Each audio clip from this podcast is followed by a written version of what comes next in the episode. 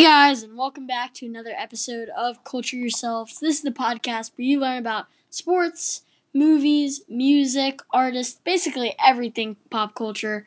I'm your host, Tommy Gowan, and this is another episode. Thank you for clicking on this episode, and please enjoy. This episode is brought to you by Anchor. This is the easiest way to make a podcast, okay? You guys need to be using Anchor. You can watch podcasts on Anchor, start your own podcast.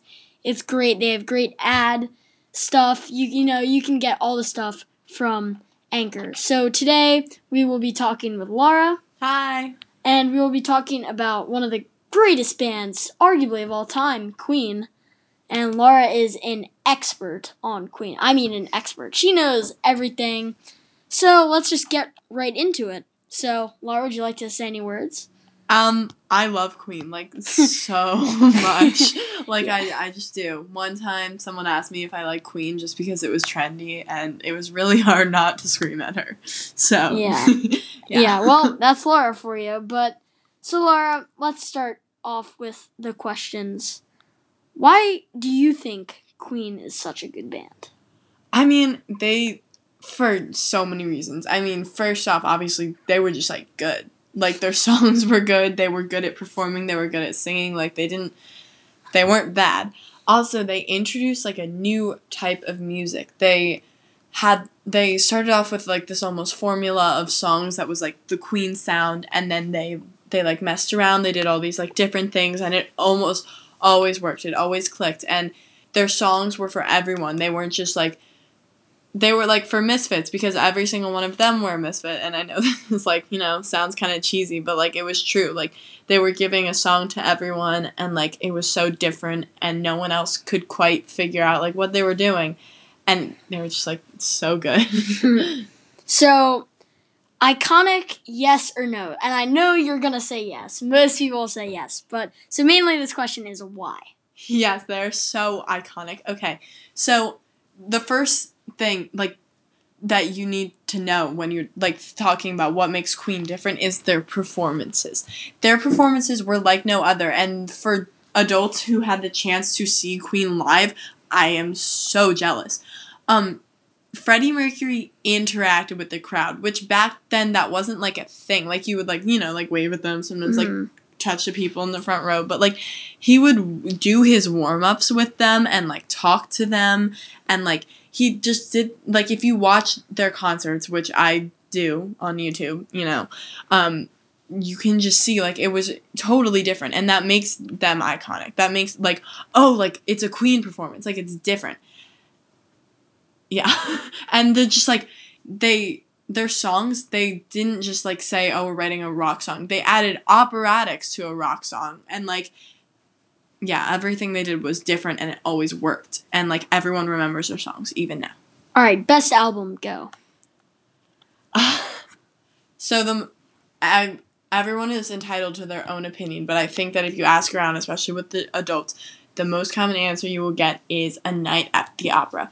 This song this album has songs like love of my life i'm in love with my car you're my best friend and it's the album in which bohemian rhapsody i think their arguably their most famous song to ever be released was in this album. So that just makes it like known so much. And it had like some of their most famous and best um, songs in the band. And like some of the most of those songs are still popular today. And like i have a shirt with the a night of a night of the opera cover Yeah.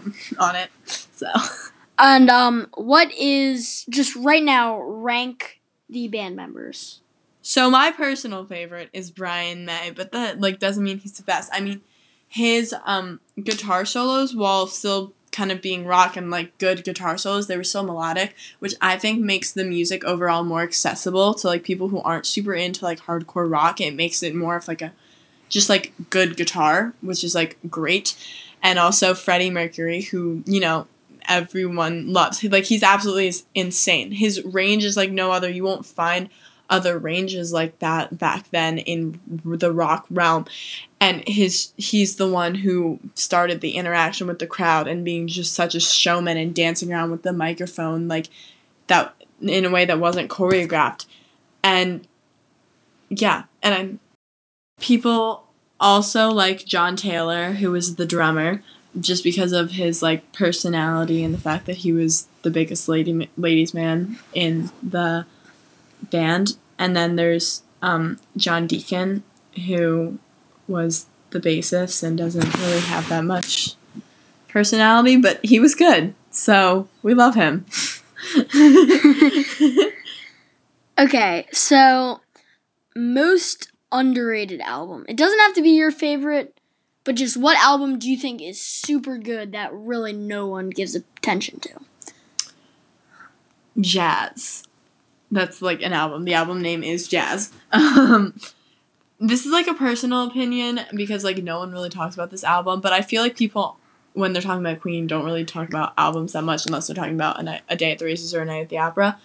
This song has Don't Stop Me Now, which is my favorite song, and Fat Bottom Girls, which people don't really associate that song with Queen. Like I do give credit to the fact that people know it, but they're not they're not like saying like, "Oh, that's a Queen song." But it's hard to not like it when you listen to it. Like it's it's just like a feel good song and it's really good.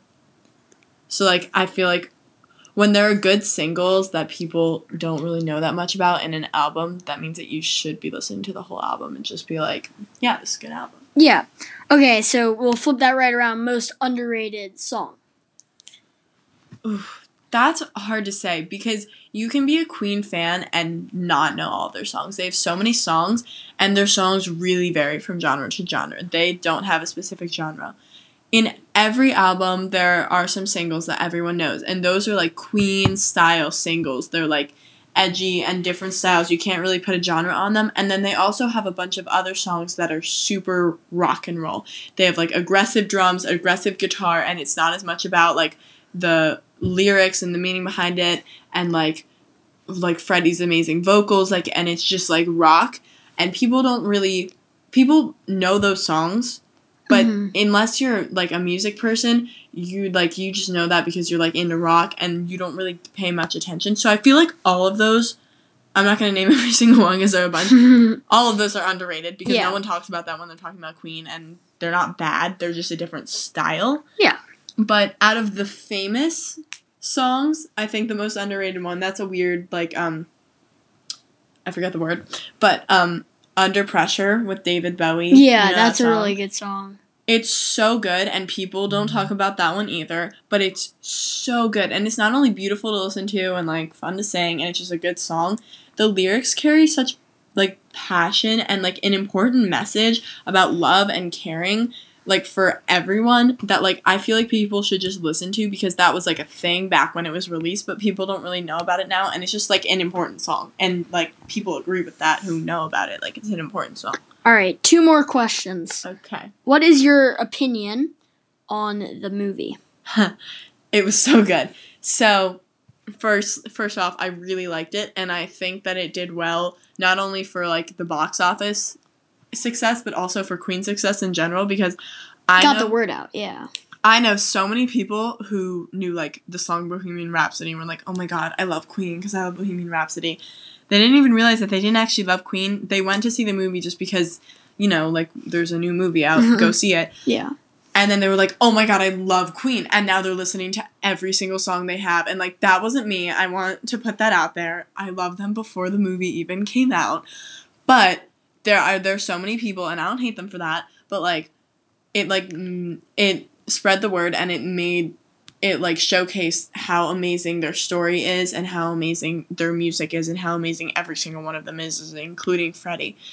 And I think that like they didn't they kind of skimmed over some parts, which is fine because it's a movie. So like they gotta like just get to the good parts and like I wish they played they like included some of the songs that they didn't. And the way it was organized it wasn't quite a musical but also low-key was.